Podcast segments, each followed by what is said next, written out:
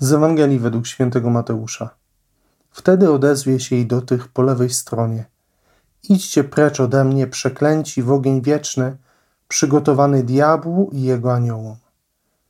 Szczęść Boże, kochani, witajcie bardzo serdecznie. Rzadko się zdarza, żebym właśnie tak negatywnie brzmiący fragment wybierał do rozważania, ale dzisiaj postarajmy się wysłuchać i tego, co jest czasem trudne dla nas. Zapraszam na ten odcinek.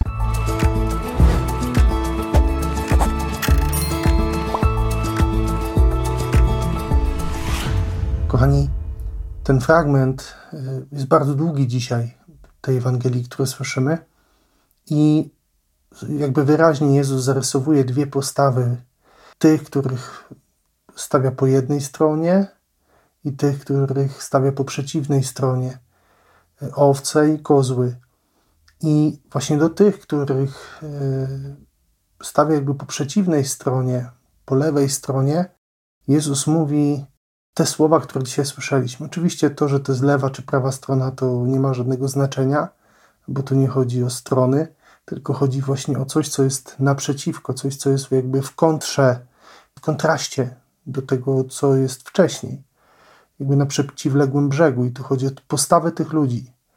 Że zobaczcie, oczywiście możemy sobie ciągle mówić, i, i ja bardzo głęboko w to wierzę, że Bóg jest miłością, że, że jest miłosierny i tak dalej ale nie wolno nam uciec od y, tej świadomości, że Bóg też szanuje moje wybory, szanuje moje decyzje, że jeśli ja nie chcę żyć z Nim, jeśli ja wyraźnie odchodzę od Niego, jeśli wybieram inne życie, życie bez Niego, to On ten wybór uszanuje.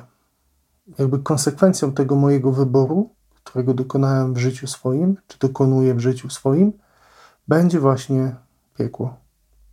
I to nie jest tak, że jego nie ma i, i że to piekło mm, jest tylko takim straszakiem na niegrzeczne dzieci. Nie, ono jest bardzo realne, jest też realnym zagrożeniem dla każdego z nas, dla mnie także. To wszystko zależy, jak ja żyję. Czy ja w mojej codzienności wybieram Pana Boga. Bo jeśli nie, oczywiście mogę otrzymać łaskę wiary, mogę otrzymać łaskę miłosierdzia w ostatniej chwili mojego życia, tylko że to też wszystko będzie zależało od mojej dyspozycji, od dyspozycji mojego serca. Czy ono będzie otwarte na nie. A możemy się uczyć tej otwartości właśnie przez taką codzienność, przez przyjmowanie Boga w mojej codzienności. Kochani, uczmy się takiej otwartości. Nie grajmy tak na wabank, nie grajmy tak na limicie, w takim sensie, a nuż się uda, ja sobie pożyję tak, jakby Boga nie było, a potem Pan Bóg okaże mi swoje miłosierdzie. Nie, Bóg będzie szanował Twoje wybory. Wszystkie. Jeśli nie będziesz go wybierać, jeśli zapomnisz o nim w życiu, to właśnie konsekwencją tego będzie życie bez niego, po śmierci. Nie życzę tego nikomu, ale jest to realne zagrożenie. Dzisiaj może było tak trochę poważniej, nawet groźnie, ale też czasem trzeba sobie to uświadomić, to co jest trudne i to co jest zagrożeniem dla nas. Więc błogosławię Wam, kochani, na życie z Bogiem, na to, żebyśmy mieli odwagę wybierać Go codziennie, Jego drogi.